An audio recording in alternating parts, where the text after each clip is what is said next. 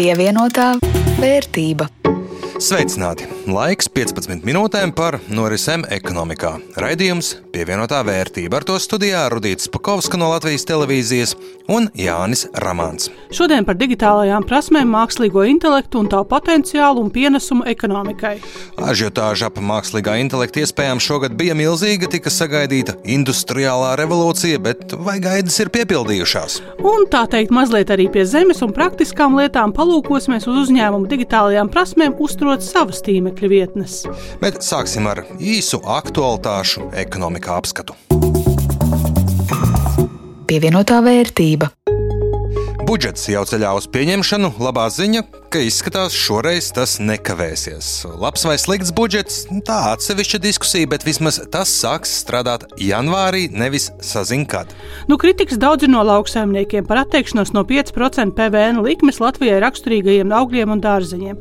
Pat ja politiķi atkāpušies no sākotnējā plāna par standarta likmes piemērošanu un piedāvā 12%, augļu un dārzeņu audzētāji tik un tā absolūti nav sajūsmā. Jā, nu jau pat tiek prasīta finanšu ministra Ārvila Ašerādena no jaunās vienotības demisija. Varam mēģināt izprast nekompetenci, varam nezināšanu, bet augstprātīgais komunikācijas stils zemniekus nokaitinājis. Tā viņi raksta savā paziņojumā. Pavisam drīz varētu būt arī gala lēmums par atbalstu hipotekāro kredītu ņēmējiem. Šobrīd Saimnes komisijā vienojušies 30% no kredīta procentu maksājumiem varētu atgriezt kredītu ņēmējiem. Plāns šķiet ir sekojošs. Banka aprēķina šo atlaidi, samaksā kā nodevu, un tad valsts ieņēmuma dienests izmaksā cilvēkiem. Daudzas detaļas vēl nav līdz galam skaidras, un, ja līdzinājā pieredze par kaut ko liecina, var mainīties visai strauji. Tā kā lieta, kam jāsako līdzi, pirms priecāties vai bēdāties. Un te pie viena jāpiemina arī jaunākie dati par Latvijas finanšu iestāžu peļņu. Tā šā gada desmit mēnešos bijusi 596 miljoni eiro, un tas ir 2,4 reizes vairāk nekā iepriekšējā gada attiecīgajā periodā. Bet tikmēr turpinās nedēļas ap Rail Baltica, tas gan šobrīd uh, atļāvas slēgt līgumus par pamatrases būvniecību par spīti Turcijas uzņēmumu prasībai to liekt, bet tā vēl inetuva nav pēdējā instancē un skaidrs, ka cīkstēšanās par lielāko iepirkumu Latvijas vēsturē būs nopietna. Un vēl jau neatbildēts ir jautājums par to, vai Rail Baltica vispār iebrauks Rīgā. Iebrauks, iebrauks, sola visatbildīgie tikai, nu, kad? Lai nezaudētu atbalstu, ir jāceļ pamatrase, bet Rīga nu, būs jau būs, bet kaut kad. Un daži vārdi par tarifiem var teikt labas un sliktas ziņas. Labās ziņas sola nedaudz mazināt elektrības sadales tarifus, bet sliktās gāzes pārvades operators Gaso paziņoja, ka prasīs tarifu paaugstinājumu. Tā kā gāzes patēriņš rūk, tad mazākam skaitam lietotāju būs jāsmaksā par sistēmas uzturēšanu. Tāpat arī gāzes cena pieaugusi. Un es domāju, ka mēs nevaram neparunāt par Vivi, jeb pasažieru vilcienu, kas paziņojas, ka mainīšot identitāti uz Vivi. Viņu stāsts jau ir skaists. Vivi esot radies no vārdiem vienā vilcienā, bet vismaz sociālajos tīklos reakcija ir nevis atbalsts un vienaldzība, bet gan sašutums un zobgaļošanās.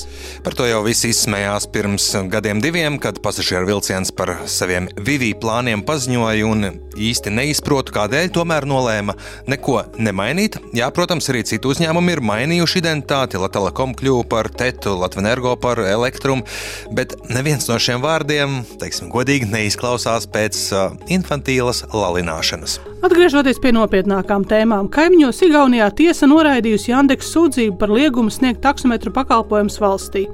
Igaunija pēc Krievijas iebrukuma Ukrainā Jandeks aizliedz izmantot savu aplikāciju, lai sniegtu taksometru pakalpojumus, jo uzņēmumam bija pienākums nodot apkopotos personu datus Krievijas speciālajiem dienestiem. Līdzīgs lēmums tika pieņemts arī Latvijā, jo tika konstatēts, ka aplikācijas dati iet cauri serveriem Krievijā. Gads tuvojas savam noslēgumam, var droši diezgan teikt, ka šis savā ziņā ir pagājis mākslīgā intelekta zīmē. Diez vai ir daudz tādu cilvēku, kuri nebūtu aprunājušies kaut reizi ar ChatGPT, par to kaut ko dzirdējuši, vai pat likuši tam uzzīmēt kādu attēlu. No mākslīgā intelekta tiek sagaidīts daudz. Par to liecina kaut vai tas, ka aizvien biežāk par to runājot, tiek lietots termins 4. industriālā revolūcija, jo īpaši tāpēc, ka tagad tas pieejams plašām sabiedrības masām. Par mākslīgā mākslīgā intelekta spējām transformēt ekonomiku, pacelt to jaunā attīstības līmenī, aizdītajā nedēļā sprieda arī Latvijas Informācija un tehnoloģija asociācija rīkotā konferencē.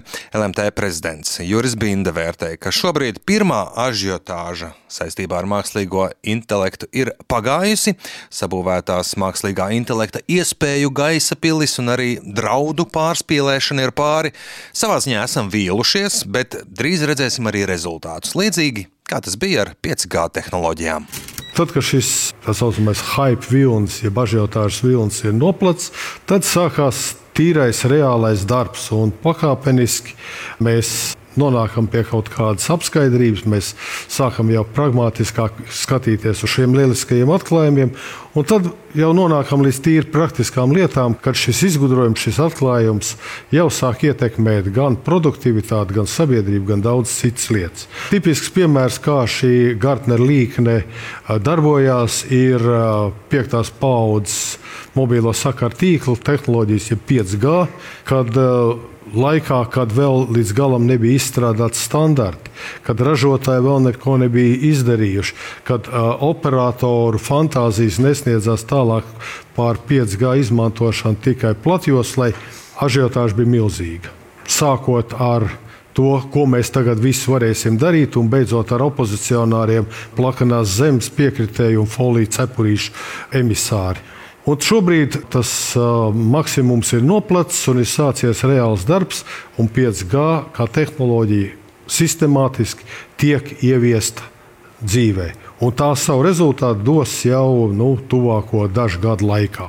Līdzīgi, mazliet gan no citas skatu punkta, saka arī Latvijas Universitātes profesors Mārcis Audziņš. Aizvien labāk saprotam mākslīgā intelekta iespējas, draudus un arī tā limitācijas. Savā ziņā var apgalvot, ka mākslīgais intelekts, viņuprāt, ir centīgs muļķis jeb perfekta viduvējība.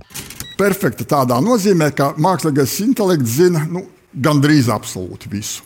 Visu, kas ir atrodams tādīs informācijas avotos, ar kuriem viņš ir apmācīts, visu to mākslīgais intelekts zina. Līdz ar to neviens no klātesošiem, neviens cilvēks uz pasaules nezina tik daudz, cik mākslīgais intelekts. Kāpēc viduvējība?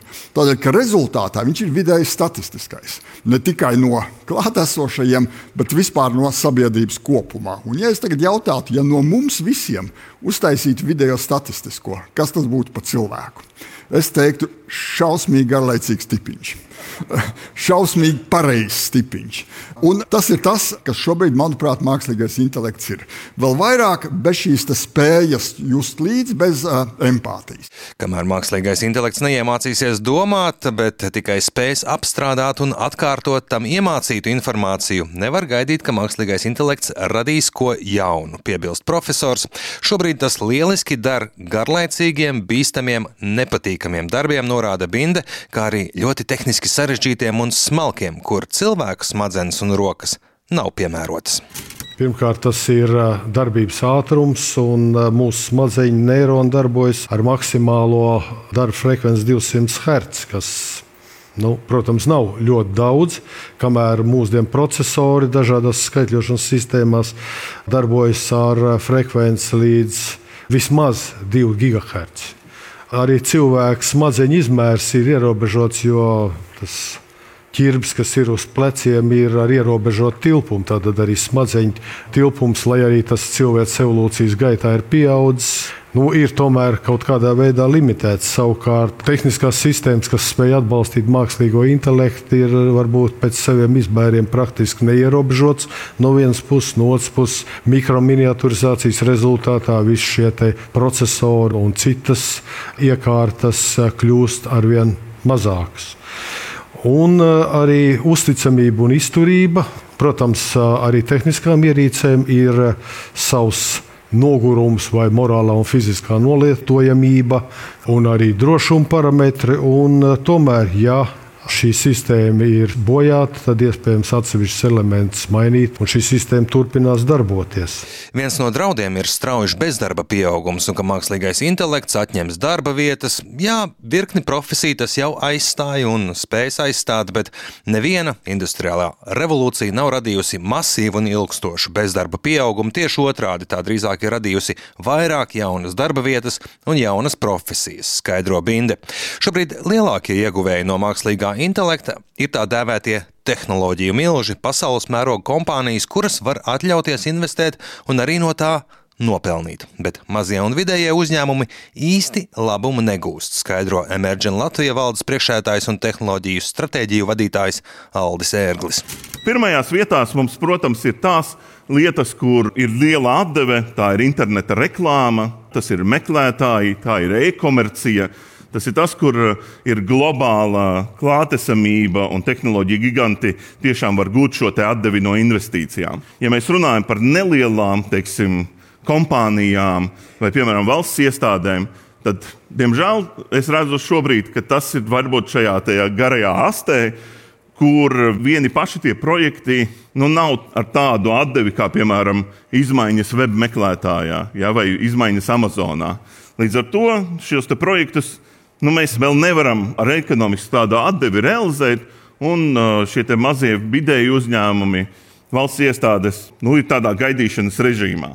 Mākslīgā intelekta potenciāls, protams, ir milzīgs, bet viens no tā trūkumiem šobrīd ir tas, kas mācās ļoti, ļoti lēni. Piemēram, cilvēks var iemācīties braukt ar auto 20 braukšanas stundās, turklāt paveikt to bez avārijām.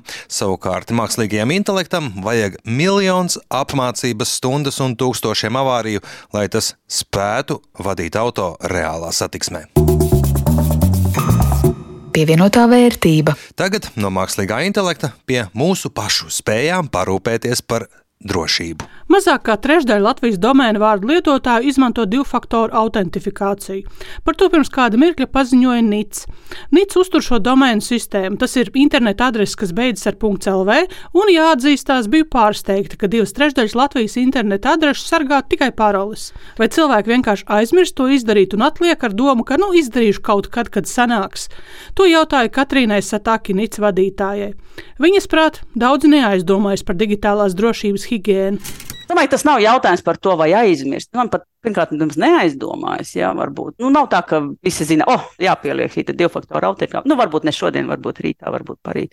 Varbūt bieži pat nezina. Ja mēs paskatāmies uz kaut kādām statistikām, tās visas paroles, kas tiek uh, uzlaustas, nu, viņas ir līdz vājprātam vienkāršas. Saulīte 1, 2, 3 vai pēc kārtas uh, taustiņa kuvertīja. Ja? Nu, kaut ko vieglu, kad tik es neaizmirstu, ja ielikšu savu dzimšanas eh, dienu un savu vārdu, bet tādu jau ārkārtīgi vienkārši var uzlauzt un tad pie šiem datiem piekļūt. Un tad ir nākamais cilvēks izmanto to pašu paroli dažādās vietās. Ja? Tas nozīmē, ka uzlauž vienā vietā, piekļūst datiem arī citās vietās un paļauties uz paroli ir nesaprātīgi. Tās uzlauzt kļūst arvien vieglāk. Paroles arvien vairāk un vairāk zaudē savu jēgu. Un, ja mēs skatāmies nākotnē, visticamākais, ka paroles kā tādas arī nebūs uh, vairs plaši izmantots identifikācijas uh, paņēmiens, jo mēs nu, noteikti izmantosim kaut kādus kodus, tādus īslaicīgus vai nu, kaut ko citu, kas ir tikai un vienīgi rīcībā pirkstnospiedumi tīkliem un tā tālāk. Bet par drošību nedomājam un iespējamos riskus neapzināmies arī citos veidos. Piemēram, mūsu mājaslapas nosaukumu paši par sevi.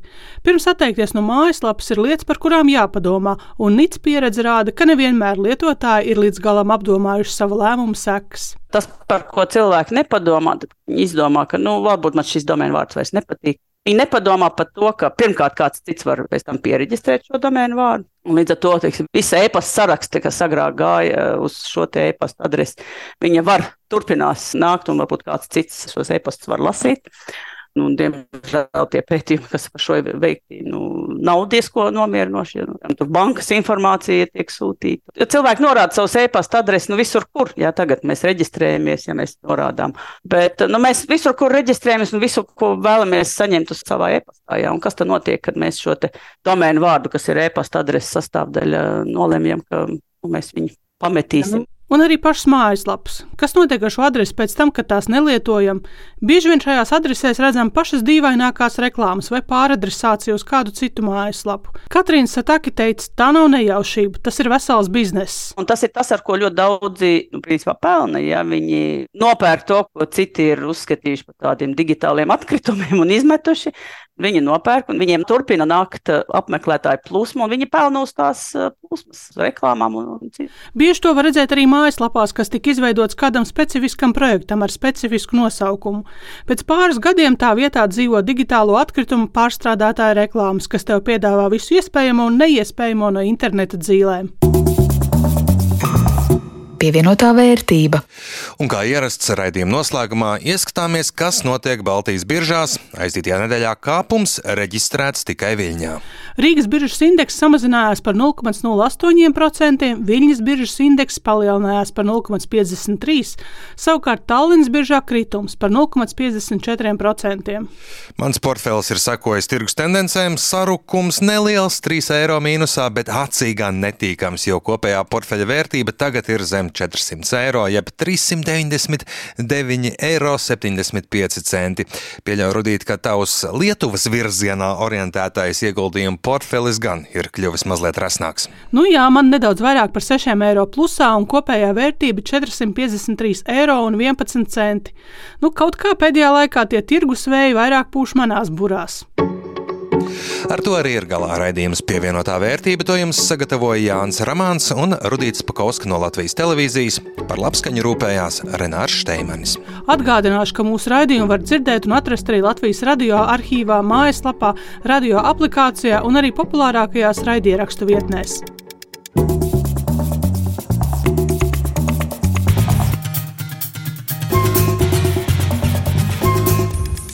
Pievienotā vērtība.